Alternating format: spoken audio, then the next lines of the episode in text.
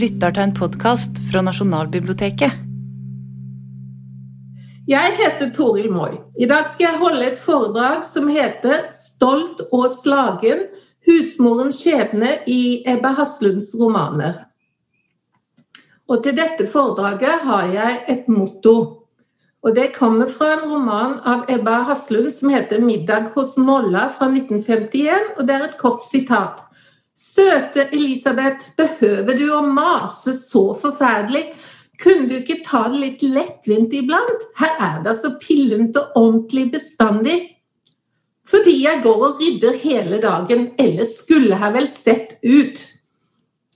Husmorlivet har alltid stått for meg som en forferdelig felle.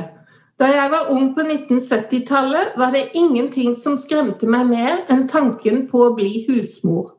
Å stå lenket til kjøkkenbenken, lage mat, strikke, stoppe, vaske og stryke, rydde og ordne og stå på pinne, og alt dette bare for å gjøre det mulig for en mann å gå ut i arbeidslivet. Aldri i verden! På 1970- og 1980-tallet hadde jeg noen av mitt livs verste krangler med menn som rett og slett nektet å gjøre sin del av husarbeidet. De skjønte ikke poenget med det. De hadde det fint som de hadde det, og det gjorde ingenting om kjøleskapet var svart av fett og skitt på innsiden. Om jeg, ville, om jeg ville vaske og rydde, var det ikke deres sak. Enten kunne jeg akseptere deres standard, eller så kunne jeg jo fritt gjøre så mye husarbeid jeg bare ville. Etter hvert gikk det opp for meg at en manns holdning til husarbeid også uttrykker hans holdning til kvinnen som utfører arbeidet. Hvor mange forhold har havarert pga. husarbeid? I dag viser mange undersøkelser at kvinnen, kvinner fremdeles gjør størsteparten av husarbeidet, og at menn ofte, men altså ikke alltid, overvurderer hvor mye husarbeid og barnepass de faktisk gjør. Dagens unge kvinner påpeker at det de kaller the mental load, arbeidet med å organisere, fordele og holde styr på alle oppgavene som skal utføres i en familie, som oftest faller på kvinnen, selv om hun har en like krevende jobb som mannen. Da er det kanskje ikke så rart at kvinner, særlig etter at de har fått barn, velger å jobbe deltid i langt større grad enn menn. Så selv om husmorfellen i dag har en annen form enn den gjorde i etterkrigstiden, er den ennå ikke blitt en historisk raritet. 1950-tallet var husmorens tiår. Husmorfilmene blomstret. I 1959 ble spillefilmen 'Støv på hjernen', basert på Eva Rams roman 'Med støv på hjernen', en kjempesuksess. Filmen, som zoomet inn på det nye husmorlivet i etterkrigstidens trabantbyer, står som nummer to på rankinglisten over de mest populære spillefilmene på norske kinoer fra 1950 til 1962. Noe revolusjonært kunstverk var verken romanen eller filmen. I Eva Rams komedie står husarbeid i skarp motsetning til erotikk og kjærlighet. Hovedpersonen Randi Svendsen vasker og stryker, strikker og stopper og herser med mann og barn fordi de skitner til gulvet. Kvinnene med støv på hjernen er som besatte. De gjør husarbeidet til en konkurranse om moralsk perfeksjon. Hun som har minst støv i huset, er moralsk overlegen. I jakten på enda blankere vinduer glemmer de dessuten helt å gjøre seg lekre og sexy for å tiltrekke sine hardt arbeidende menn. De har heller ikke tid til å oppdatere seg på kultur og politikk, og dermed har de ikke noe interessant å snakke med mannen sin om. For hvilken mann vil vel høre om flekkfjerning eller oppskrifter på fiskegrateng? Men uansett om kvinnene jobber vettet av seg med husarbeid eller bruker tiden på å gå til frisøren, kjøpe luftige, luftig blondeundertøy og lese de nyeste bokanmeldelsene, er moralen den samme. Kvinner er til for å tekkes menn. Husmorlivet var ikke bare komedie, men Eva Ramm traff et stort publikum, Aldri har vel mange norske, så mange norske kvinner jobbet som husmødre som på 1950-tallet. Det gode arbeidsmarkedet gjorde at ungjenter uten utdanning ikke lenger trengte å ta dårlig betalte husposter med liten fritid. Dermed måtte til og med overklassens kvinner leie inn daghjelp og selv stå for styringen av mye av husholdningen. Den norske arbeiderbevegelsen hadde kjempet i mange tiår for at en arbeidsmann skulle tjene nok til at kona kunne gå hjemme. Med sosialdemokratiets seier ble dette kravet endelig oppfylt.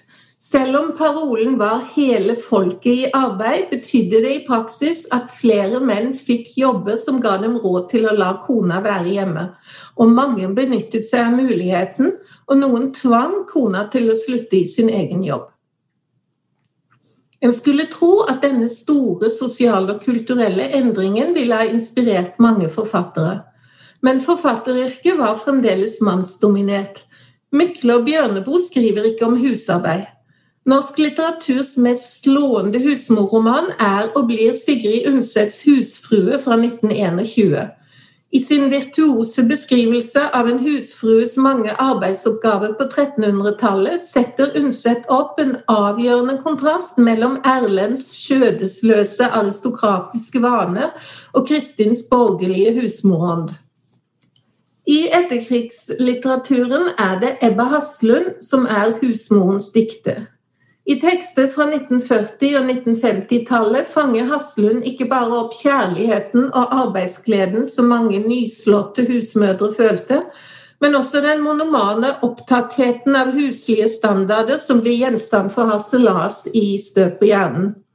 Men viktigst er Haslunds fremstilling av husmorens historiske fallitt på 1970-tallet i romanen 'Bare et lite sammenbrudd'. I Ebbe Haslunds tidlige tekster har overklassekvinnene gjerne en barnepleierske til å ta seg av småbarna, og en hushjelp som gjør resten. I 'Middag hos Molla' fra 1951 er den rike fruens hushjelp fra Vestlandet. Jeg tenker at hun kunne ha vært min egen mor. For som ungjente på slutten av 1940-tallet dro mamma fra småbruket på Moster for å jobbe som hushjelp hos velstående bergensfruer. Da hun giftet seg i 1952, ble moren min husmor. Hun sa alltid at hun heller ville stelle hjemme hos seg selv enn å gjøre det samme arbeidet for en byfrue. Likevel ble hun frustrert av å gå hjemme hele sitt liv. 1970-tallet ble et vanskelig tiår for mamma. De nye feministene kritiserte husmorrollen sønder og sammen. Det fikk nok vanskene med å finne seg til rette med et liv som ungdommen nå erklærte som verdiløst, til å toppe seg for moren min, som for mange andre kvinner av hennes generasjon. Og fordi jeg selv var en så ihuga feminist, bidro jeg nok til hennes smerte. I dette foredraget har jeg dessverre ikke tid til å gi en solid oversikt over Haslunds liv og forfatterskap. Men dere som er interessert i å vite mer om henne, skal vite at jeg kommer til å ta med en lengre presentasjon i teksten som skal utgis i Nasjonalbibliotekets vakre pamflettserie. Haslund hadde et omfattende forfatterskap. Hun skrev over 40 hørespill, mange barnebøker og rundt 20 voksenbøker. Mest romaner, men også noveller og essaysamlinger. Hun forble aktiv gjennom et svært langt liv, og på 1980- og 1990-tallet skrev hun tre erindringsbøker. Hun debuterte på Nasjonalforlaget i 1945 med den godt mottatte novellesamlingen 'Også vi', som handler om hverdagserfaringer og motstandsarbeid under krigen. I 1946 fulgte hun opp med kollektivromanen 'Siste halvår', som handler om en pikeklasse og deres lærere i det siste semesteret før eksamen. Jeg fikk svært mye ut av denne romanen, som borer seg inn i bevisstheten til unge jenter mot slutten av 1930-tallet. Men fordi den handlet om unge jenter, kategoriserte anmelderen den som en ungpikeroman, noe den slett ikke var. En av karakterene i romanen er den intellektuelt anlagte Edle Henriksen, som blir hovedperson i Haslunds neste roman, 'Det hendte ingenting', som er en av Norges aller første romaner om lesbisk kjærlighet. Da den kom ut høsten 1948, fikk også denne boken dårlige anmeldelser. Haslund skriver at boken enten ble oversett eller anmeldt som ungpikebok. Og etter mitt syn så fortjener begge disse romanene fra 1940-tallet langt større oppmerksomhet fra litteraturforskere enn de hittil har fått. Husmorrollen er likevel Haslunds sentrale emne. Alt i debutnovellene 'Også vi' fra 1945 skriver hun inspirert om husarbeidets gleder. I romanen 'Middag hos Molla' 1951 legger hun fram et kritisk syn på husmorens bitterhet og frustrasjon, mens 'Krise i august' 1954 viser hvordan husmorarbeidet kan gi grobunn for hoverende statusjakt. Etter å ha skrevet et par romaner med helt andre temaer, ga hun i 1962, unnskyld, i 1962 ut en husmorsatire. Den het 'Han har hjulpet til med sausen', og hun skrev den under et mannlig pseudonym, nemlig Roy Herre. Men pseudonymet var bare et fikenblad. De fleste anmelderne gjennomskuet det med en gang. Hasselunds viktigste bok er 'Bare et lite sammenbrudd', som kom ut i det internasjonale kvinneåret 1975.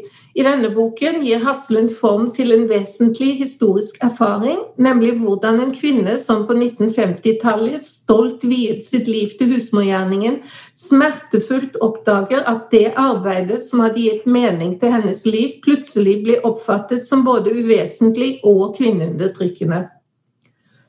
Jeg skal begynne med den aller første eh, teksten til Haslund, nemlig 'Også vi'. og Der handler det om arbeidsglede. For Haslund begynte først på 1970-tallet å kalle seg en radikal feminist.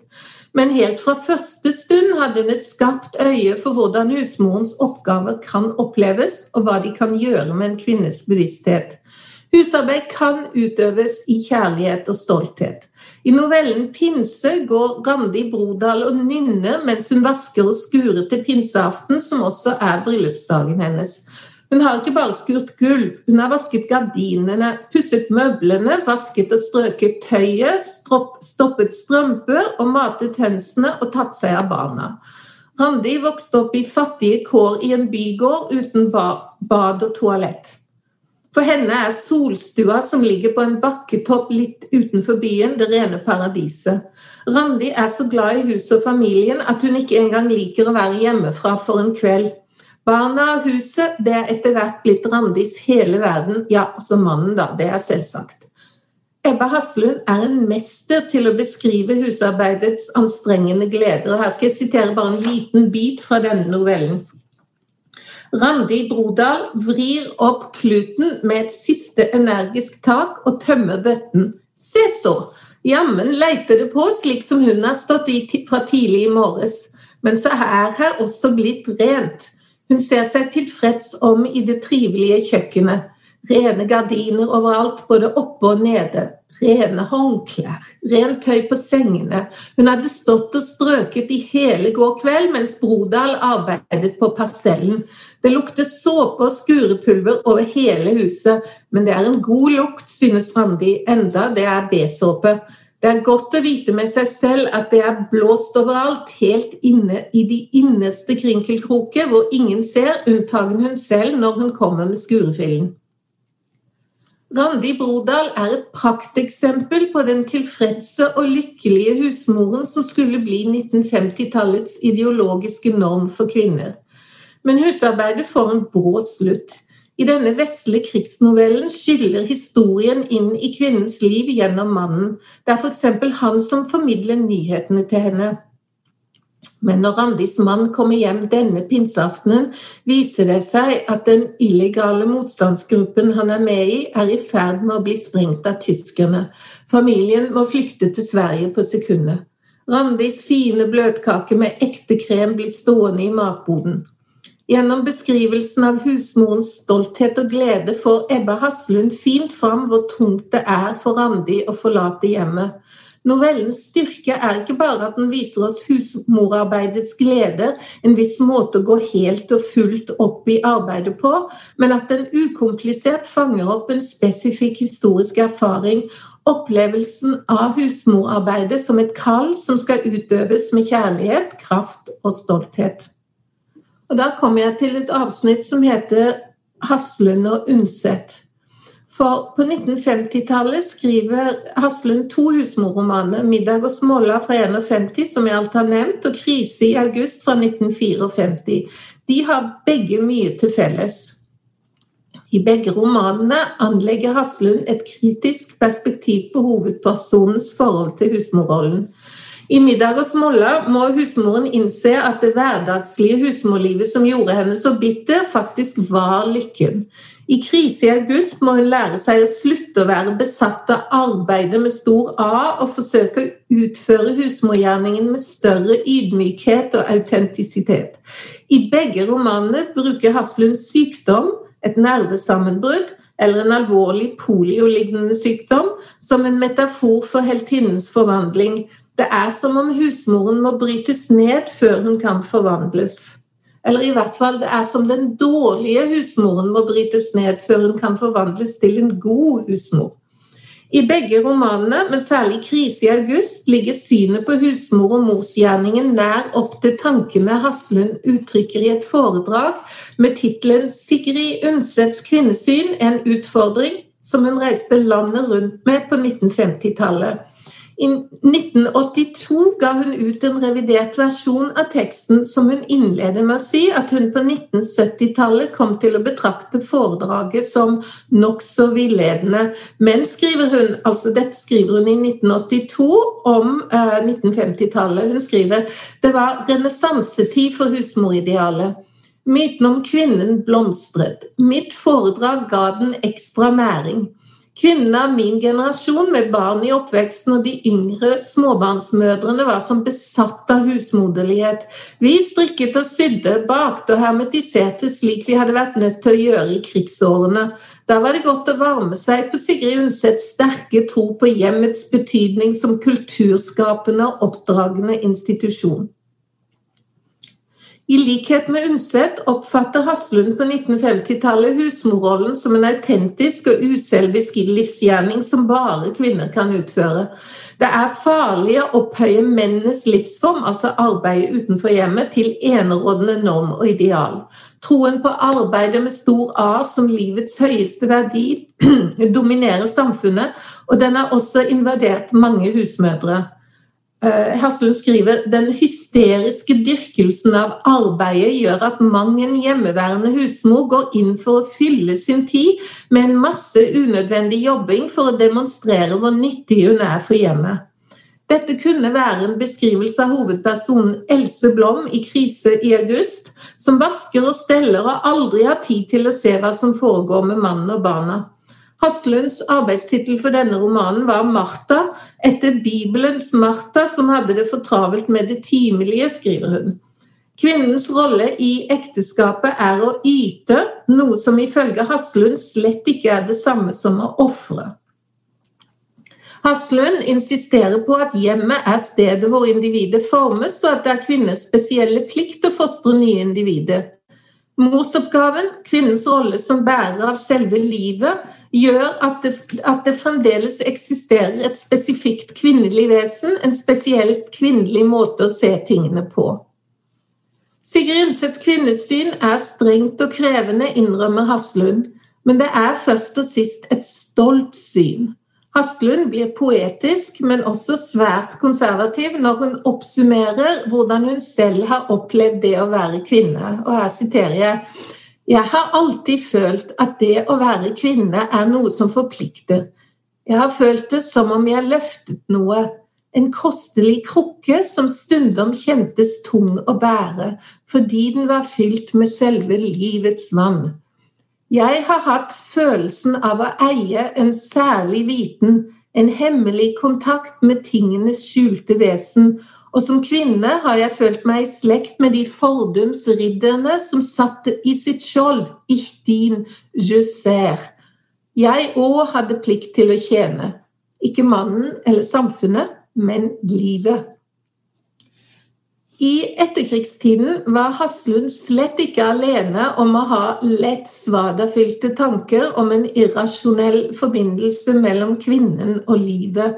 For å finne andre oppfatninger på denne tiden må vi vende oss til Simone de Beauvoir, som alt i 1949 i det annet kjønn forkastet teorier om kvinnes, kvinnes, mystiske kontakt med livet eller naturen som myter om kvinnen. Som vi så, så forkaster Haslund dem selv på 1970-tallet. Men Haslund beholdt troen på kvinnelighet som en egen samfunnsverdi. Også i 1982 understreker hun at kvinner står for de myke verdier som et nødvendig korrektiv og motvekt til de mannlige. Så med dette Undset-synet i bakgrunnen skal jeg nå raskt snakke om de to romanene fra 50-tallet, 'Middag hos Molla' og 'Krise i august'. I 'Middag hos Molla' viser Haslund oss en annen side av husmorens tilværelse.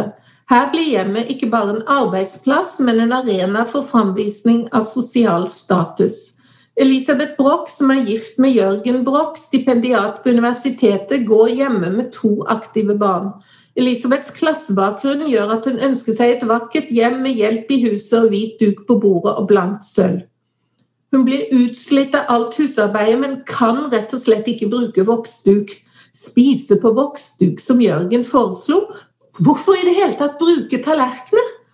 Elisabeth føler at hun går til grunne i alt dette slitet. Hun føler seg hatsk, sint og ille til mote. Det dårlige humøret skyldes ikke minst at legen nettopp har bekreftet at hun er gravid igjen. Hun orker ikke tanken å utøse sin vonde over mannen, og går så langt som å hevde at hun, at hun vil ta bort barnet hos en kvakksalve. Elisabeth føler også konstant at andre ser ned på henne. Når venninnen Molla Dahl stikker innom, skammer Elisabeth seg over de billige møblene, bordet med grøttallerkenene, saftflekkene. Selv overfor den pur unge venninnen Nutte føler hun seg underlegen. Eh, og her skal jeg sitere. Den kjedelige Elisabeth, sa Elisabeth med et merkelig lite smil. Var det ikke det du tenkte? Tørr og nøktern og kjedelig. En blir det, skal jeg si deg, når en tråkker i huset dagen lang og vasker og skurer og lager mat.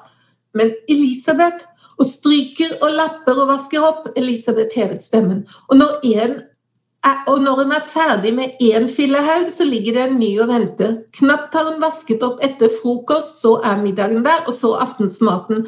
Vel, det må gjøres, og så blir hun kjedelig. Ja, var det ikke det du tenkte da, hun, la hun til, litt spakere overfor Nuttes forskrekkede ansikt.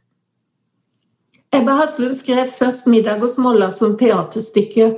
Det merker hun både på språket, som byr på mange teatermetaforer, referanse til Ibsen og bemerkninger om det å spille en rolle, men også på intrigen som har sterke melodramatiske islett. For romanen handler også om den vakre overklassefruen Gerda Weigård, som Elisabeths mann en gang var forelsket i. Samme dag som Elisabeth får vite at hun er gravid igjen, får Gerda sin dødsdom av legen. Og middagsselskapet ender med en brann der både Gerda og Jørgen dør. Elisabeth havner på nerveklinikk med totalt sammenbrudd. Sammenbruddet handler ikke bare om sorgen over mannens død, men Elisabeths egen pine og skyldfølelse for at hun ikke satte pris på hverdagen da hun hadde den. På klinikken ser hun Jørgen som i en febervillelse. Han sier 'Og nå har du din hverdag'. Dette går tilbake på en samtale Jørgen og Elisabeth hadde før den skjebnesvangre middagen, der de snakker om hvordan Elisabeth opplevde livet under krigen da Jørgen satt i tysk fangenskap. Da ønsket hun bare én ting, at det skulle komme uskatt tilbake til barna og meg. Hun sier jeg ønsket hverdagen tilbake, en ganske alminnelig hverdag med en mann som kom hjem til middag hver dag. Et hjem hvor hun kunne leve trygt uten å lytte i angst etter dørklokken. Helt til slutt i romanen hikster Elisabeth fram sitt dypeste ønske gi meg hverdagen tilbake. Jeg leste 'Middag hos Molla' før jeg hadde lest foredraget om Undset. Til å begynne med trodde jeg at Elisabeths bitterhet og klage kanskje var et tegn på at romanen bygget seg opp til å bli en forsiktig protest mot husmorens rolle, for teksten understreker jo hvor frustrerende husarbeid kan være. Det er usynlig, det må gjøres om igjen stadig vekk, det gjør Elisabeth trøtt, sur og lei og får henne til å føle seg kjedelig og uinteressant. Men samtidig fremstiller Haslund også Elisabeth som litt av en snobb. Hun ønsker seg ikke bare et rent og pent middagsbord, men også hvit duk og sølvtøy. Og slutten gjør poenget nesten altfor klart. Det irriterende og vanskelige husarbeidet er et symbol på den trygge hverdagen i fredstid. Det er altså ikke husarbeid og husmorrollen som utsettes for kritikk i denne romanen, men Elisabeths holdning til det. Gjennom sin higen etter status og penger, sitt ønske om utstillingsverdig hus og mønstergyldige barn, har hun gjort fredshverdagen til en prøvelse. Romanen slutter med at Elisabeth forstår dette. Sammenbruddet blir en metafor for Elisabeths nødvendige, men bitre og smertefulle innsikt i sine egne feil. Så nå skal jeg fortsette med å snakke om krise i august. For det er en roman om en kvinne som gjør alle de feilene Haslund diskuterer i foredraget om Undset. Romanen har en klar ironisk agenda. Overklassehusmoren Else Blom er selvtilfreds og selvgod, liker å overstråle andre, er opptatt av statussymboler og ytre glans og har ingen forståelse for autentisitet og indre verdier. Men selv om hun ikke er en komisk figur, er også Else Blom en forløper for Randi Svendsen i Med støv på hjernen. Den selvtilfredse Else er så opptatt av boning, boning, og vasking og rydding at hun blir usedvanlig lite observant. Hun forstår ikke at mannen Cato har en elskerinne før han forteller henne det, selv om nabofruene ivrig har sladret om forholdet i ukevis. Hun tror at barna er mønstergyldige. I virkeligheten har den yngste sønnen, 16-åringen Lars, vært involvert i biltyveri, noe tenåringsdatteren Syssel har vært med på å skjule. Else vil at alt skal være perfekt. Hjemmet, mannen og ikke minst barna. Hun er nærmest skremmende i sin manglende sympati for svigerinnen Tordis, som fikk et utviklingshemmet barn. Når denne sønnen dør som ung tenåring, klarer Else ikke engang å forstå hvorfor Tordis sørger så dypt over et så mislykket barn. Else, som ikke tolerer, tolererer avvik fra den perfekte, konvensjonelle malen, innpisker selvsagt kjønnsrollene. Lars, den eneste sønnen, har ikke fått den samme kyssingen og kjærlingen som de tre søstrene hans er blitt overøst med. Else forventer at Lars skal bli idrettsmann som sin far, selv om det er Sissel som er vågal og flink til å hoppe på ski. Da nabobarna stjeler kjelken til Lars, begynner han å gråte. Dette er når Lars er liten, men Else har ingen medlidenhet. Hold opp og skrik! Gå og ta kjelken, din vesle reddhare, skriker hun til sønnen. Du som er gutt må lære å ta igjen, kan du skjønne, ikke være en sånn liten reddhare og løpe din vei og gråte som en småpike. Elses oppdragelse av Lars ser også ut til å bygge på en frykt for at han skal bli homoseksuell. Den julingen han hadde fått, var vel heller ikke så farlig, bare at hun hadde vært så sykelig redd for at den eneste gutten deres ikke skulle bli en ordentlig gutt. Elses konvensjonalitet og statusjag stikker dypt. I ungdommen forkastet hun en kjæreste fordi han ikke hadde såkalte utsikter. Og hun overbeviste den unge Cato til å la være å studere filologi, og heller satse på å ta over familiefirmaet og bli rik forretningsmann. Senere, under krigen, forhindret hun mannen fra å dra til England for å delta i kampen mot tyskerne. Hun kan rett og slett ikke forstå at Cato er bitter over dette. Hjemmet og barna er for henne langt viktigere enn seriøst engasjement i kultur og politikk. Selv om Haslund slett ikke er en filosofisk anlagt forfatter, hun skriver i erindringene at krigen gjorde det av med hennes ungdoms evne til abstrakt tenkning, oppfatter hun en roman som et ledd i en erkjennelsesprosess.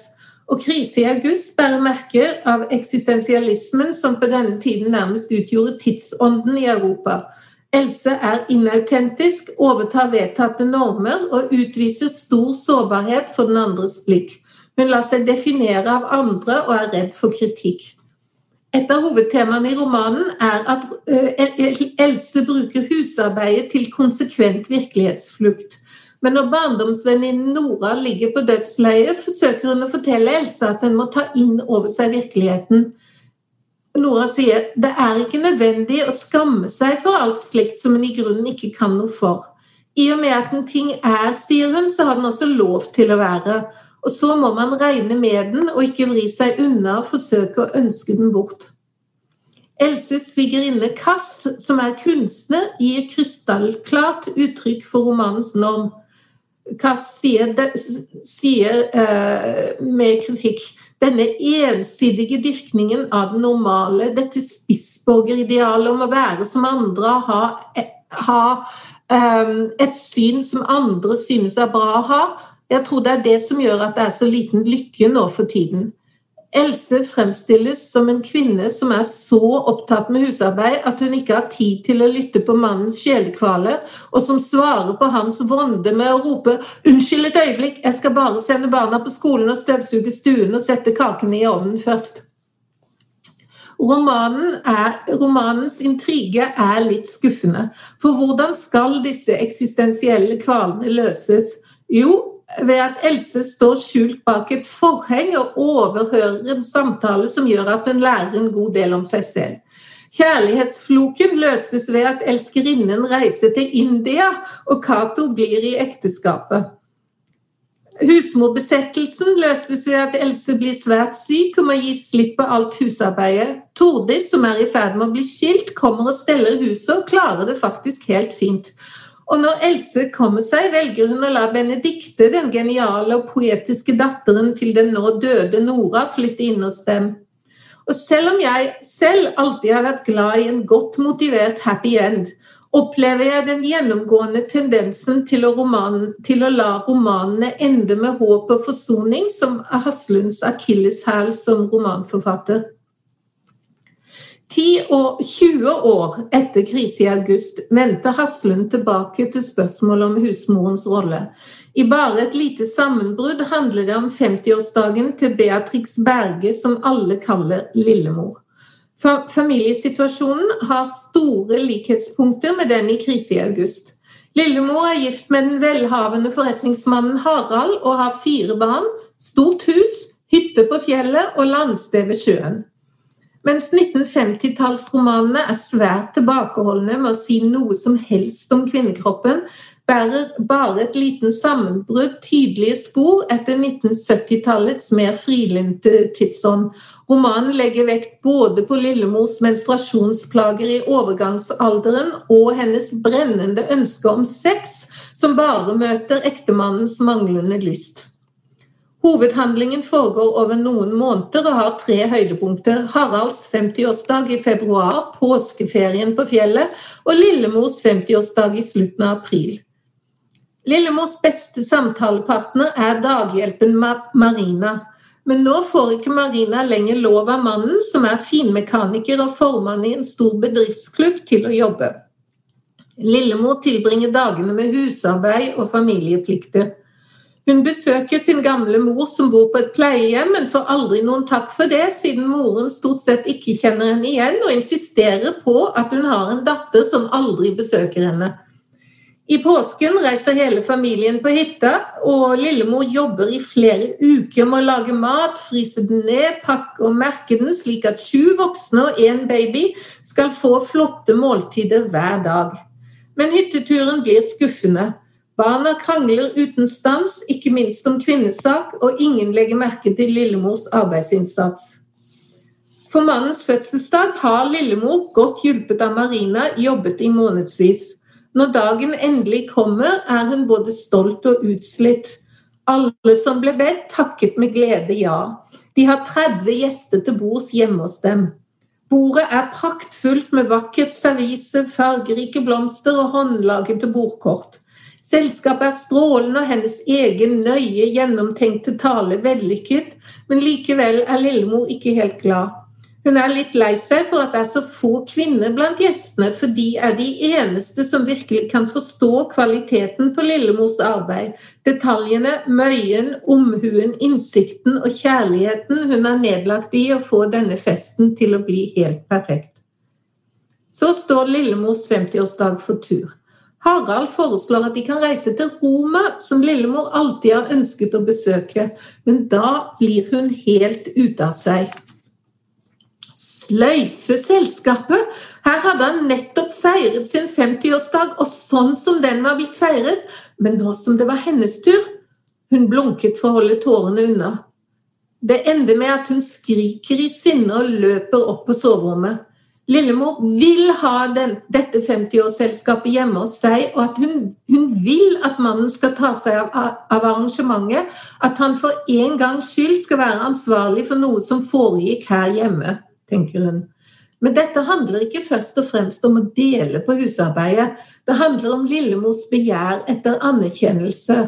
Hun tenker det var ikke nok å vite med seg selv at hun var en god hustru og mor, en god husmor og følgelig en grunnpilar i samfunnet. Hun vil bli sett, hun vil bli hyllet både som, kyn, både som et kyndig fagmenneske og som en verdig person. Sulten efter anerkjennelse gnog i henne, står det. Problemet er at husmorarbeidet ikke har noen verdi i de andres øyne. Hennes arbeid var noe som hele familien trodde de forsto seg på, og mente de kunne utrette så mye bedre om de hadde hatt tid og lyst til å ta seg av det. Harald gir seg og lover at hun skal få fest hjemme. Hun inviterer 21 personer. Det viser seg snart at de fleste ikke kan komme. Venner og familie som reiste langt for å komme til Haralds 50-årsdag, har ikke anledning til å gjøre det samme for lillemors dag.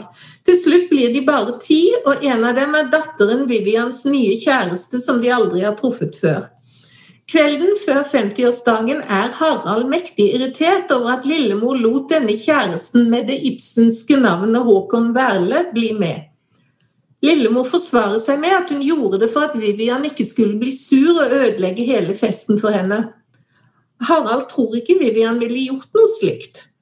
Lillemor svarer at 'jeg ville følt det slik'. Da brister det for Harald. Og så Her, får, her kommer jeg med et langt sitat. Nå sier Harald 'Ja, der har vi det'. Du ville følt det slik. Du går og leter efter krenkelser. Det er det du gjør, og tar alt i verste mening. Du gir oss andre så dårlig samvittighet at ikke rart om barna ikke holder ut å være i rommet deg, at de puster lettet når du er ute av syne. Du som alltid snakker om din mor, hvor fordringsfull og selvopptatt hun er. Du er ikke klar over hvor lik henne du er blitt. Dette var fødselsdagstalen, tenkte lillemor. Hun sto som i ørske efter altfor mange slag. Utbruddet viser ikke bare at Harald og barna oppfatter lillemor som en som bare maser og klager. Den viser også at han verken respekterer eller er interessert i hennes følelser, hennes forståelse av en situasjon. Det er kanskje ikke så underlig at fødselsdagen blir et mareritt. Hun blir vekket av barna som kommer med kjøpekringler på sengen. Harald gir henne et gullur som hun slett ikke blir glad for. Den eneste gaven hun bryr seg om, er fra Marina, tolv små håndbroderte tallerkendempere. Middagsbordet blir en skuffelse. Ingen har tenkt på å kjøpe blomster. Dekketøy, serviser, lysestaker kommer fra firmaet og er hvite. Menyen er fantasiløs. Ingenting unnslipper Lillemors erfarne husmorøyne. Sausen var ikke slik som Lillemor pleide å lage den. De hadde nok spart på rømmen.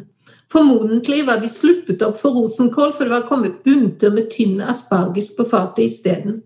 Og Harald har ikke tatt seg tid til å skrive en tale, så i stedet for å si noe presist om Lillemor som person, kommer han bare med generelle floskler om betydningen av et godt hjem. Kunne vært sagt av en hvilken som helst ektemann til en hvilken som helst hjemmeværende kone, tenkte Lillemor.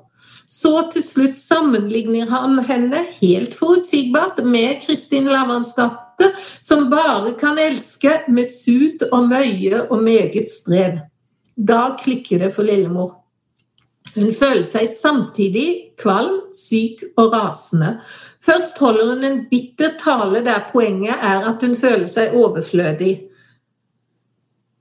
Og familien som ikke lenger trenger meg, sier hun. Det er klart de ikke lenger trenger meg. Voksne mennesker må jo kunne klare å stelle for seg selv. Men jeg er der jo, og noe må jo jeg også ha å gjøre. Så går hun og legger seg. Dagen etter pakker hun en liten koffert og går til den eneste personen i romanen som forstår henne, nemlig Marina. Hos Marina legger hun seg til sengs i tre dager. Så drar hun hjem igjen. Hun bestemmer seg for at hun slett ikke er overflødig og finner ting å være glad for. Egentlig har ingenting forandret seg, bortsett fra at lillemor i en samtale med datteren kommer fram til at det kanskje går an å snakke med Harald og forklare ham hvordan det er å være kvinne. Men romanen slutter før hun forsøker å gjøre det. Så nå er spørsmålet hvorfor får lillemor sitt lille sammenbrudd, som hun kaller det, akkurat på 50-årsdagen? Hva er det med 50-årsdagen som gjør den til en hån mot alt hun står for? Lillemor setter pris på godt husmorhåndverk. Hun jobber hardt fordi hun opplever omtenksomt arbeid som bevis på kjærlighet. Alt hun gjør, står dessuten i individets tegn. Hun hegner om de særegne personlighetene til hvert familiemedlem. Selv higer hun etter å bli anerkjent som individ, men alt hun får til gjengjeld, er en overfladisk tale som gjør henne til et generisk vesen, ikke til Beatrix, men hustru og mor. Gulluret er kjøpt ut fra en vag tanke om hva en kvinne i hennes stilling bør like. Harald sier til og med at en kollega kjøpte det samme uret til sin kone. Marinas håndbroderte tallerkendemper er noe helt annet. De bygger på Marinas kjennskap til Lillemor som person og uttrykker forståelse for hva hun setter pris på. Og ikke minst, de er håndlagete. De har kostet mange timers arbeid utført i vennskap for Lillemor. Når hun flykter til Marina, får hun ikke kjøpekringle, men hjemmebakte rundstykker. Egentlig lever Lillemor etter en slags kantiansk moral. Kant, og jeg mener ikke akkurat pliktmoralen hans her, Kant mente nemlig at jo mer vi handler i overensstemmelse med våre naturlige tilbøyeligheter, jo mindre moralske er vi. For Kant er det å overvinne seg selv alltid mest fortjenstfullt. Og det er det for Lillemor også. Jo mer hun undertrykker sine egne ønsker, jo mer moralsk høyverdig føler hun seg. Det er derfor hun er så stolt av alt slitet med mannens 50-årsdag. Problemet er at ingen i familien forstår verken hva hun gjør eller hvordan hun tenker. De forstår ikke at lillemor forventer at de skal legge sin sjel i festen for henne. De tror at en fest er godt nok, men sjelen må til for at det skal være bra nok for lillemor. De tror at mat fra et cateringfirma gjør samme nytten som lillemors hjemmelaget og kreative menyer. De har ikke evne til å forstå til å se forskjell på godt og dårlig husarbeid, og de bryr seg ikke. Og det verste, det aller verste, er at lillemor befinner seg på feil side av historien. Utviklingen kommer til å løpe fra henne. I dag er det å dele på husarbeidet slett ikke det samme som at begge lærer seg å bli dyktige innen husmorfaget. Det er å sørge for å kjøpe pizza, kaste klærne i vaskemaskinen og hente og levere i barnehagen. Lillemor gjorde husarbeidet meningsfylt ved å legge sin sjel i det, med virkelig å ta inn over seg Undsets og Haslunds syn på husmorarbeidet. Men når en ikke klarer å se arbeidet i et slikt forklarelsens lys, blir husarbeid bare mas og kjas. Jeg bodde i Storbritannia på 1980-tallet, da Mrs. Thatcher styrte landet inn i nyliberalismens globaliserte verden. Jeg husker godt den store gruvearbeiderstreiken i 1984-1985. Og jeg husker trykkeriarbeidernes lange streik mot Robert Murdochs digitalisering av trykkeriarbeidet i 1986. Med den nye teknologien kunne Murdoch redusere trykkeristaben med 90% Faglærte settere, folk som var stolte av fagkunnskapene sine, ble overflødige. Nå skulle de kastes på historiens skraphaug. Streiken varte et helt år, og arbeiderne tapte. Lillemor står i en lignende historisk situasjon. Fordi jeg leser romanen nesten 50 år etter den ble skrevet, vet jeg nemlig hvordan det gikk. Lillemors spesifikke måte å være husmor på var dømt til å forsvinne. I dagens vestlige kultur tror jeg at det er nesten umulig for en kvinne å forstå seg selv som en av Undsets og Haslunds stolte, offerglade bærere av livet med stor L. Og jeg tror det er enda vanskeligere, vanskeligere å tenke seg møyefylt og omhyggelig husarbeid som et levende uttrykk for en slik holdning. Lillemors skjebne er på en måte tristere enn trykkeriarbeidernes. Hun lever isolert fra andre i samme situasjon. Og hun opplever en slags grunnleggende smerte fordi hun opplever at hun ikke blir respektert, ikke blir sett som et fullverdig menneske. En trykkeriarbeider ble ikke fortalt at han til tross for sitt harde arbeid egentlig var en parasitt. Lillemor derimot blir kalt luksuskvinne og får høre at gifte kvinner som lar seg forsørge, er ikke et hår bedre enn prostituerte. Det siste er faktisk et argument jeg husker godt fra 1970-tallet. Og når Lillemor får det slengt i ansiktet, gjør det selvsagt vondt. Men det er noe mer her, for hun viser at hun rett og slett ikke forstår hva sammenligningen hviler på. Ligge seg til lommepenger? Et lite bjeff av sinnelatter slapp uvilkårlig ut av henne. Men det er jo ikke det som er poenget. Dette handler ikke om lommepenger, men om penger til hus og mat og klær og alt annet en trenger til livets opphold. Samtidig glemmer de som kommer trekkende med denne sammenligningen, at ekteskapet selvsagt ikke bare handler om seksuelle ytelser, men nettopp om kjærlighet, moderskap og husarbeid. Det er som om lillemor ikke klarer å forstå sin egen økonomiske situasjon. Hun vet godt at hun ikke tjener penger, og sammenligner seg selv med marina og rengjøringsarbeidere som får lønn. Hun ønsker at hun hadde fullført studiene sine, slik at hun kunne finne seg en jobb. Men hun ser ikke ut til å ønske seg en jobb fordi hun ikke orker å leve på mannens inntekt, men fordi hun vil ha respekt. Akkurat her slår det meg at Haslund legger all vekten på den individuelle kvinnens opplevelse av undertrykkelse. I romanen møter lillemor ingen økonomiske utfordringer. Hun blir ikke skilt, og Harald har penger nok. Men problemet med den tradisjonelle husmorrollen er ikke bare individuelt, det er strukturelt også. Dersom noen skal gå hjemme, må noen andre tjene penger. Og som Beauvoir sier det helt krystallklart i det annet kjønn, den som er avhengig av en annens inntekt, er rett og slett ikke fri. Alle vet at 50-tallets husmødre ofte ble minstepensjonister.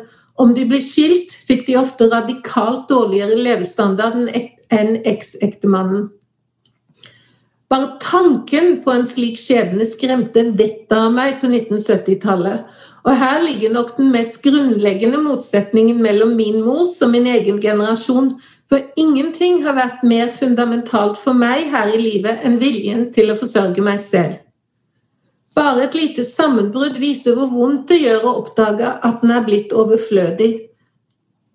Den eksistensielle utfordringen for Lillemor er at 1950-tallets holdninger til husarbeid er blitt meningsløse, og at de nye holdningene som skal komme, ennå ikke er tilgjengelige for henne.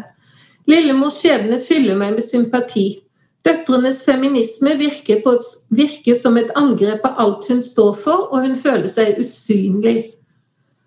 Bare et lite sammenbrudd får meg til å innse at jeg bidro til at min egen mor følte seg utfordret og underminert av den nye feministiske generasjonen.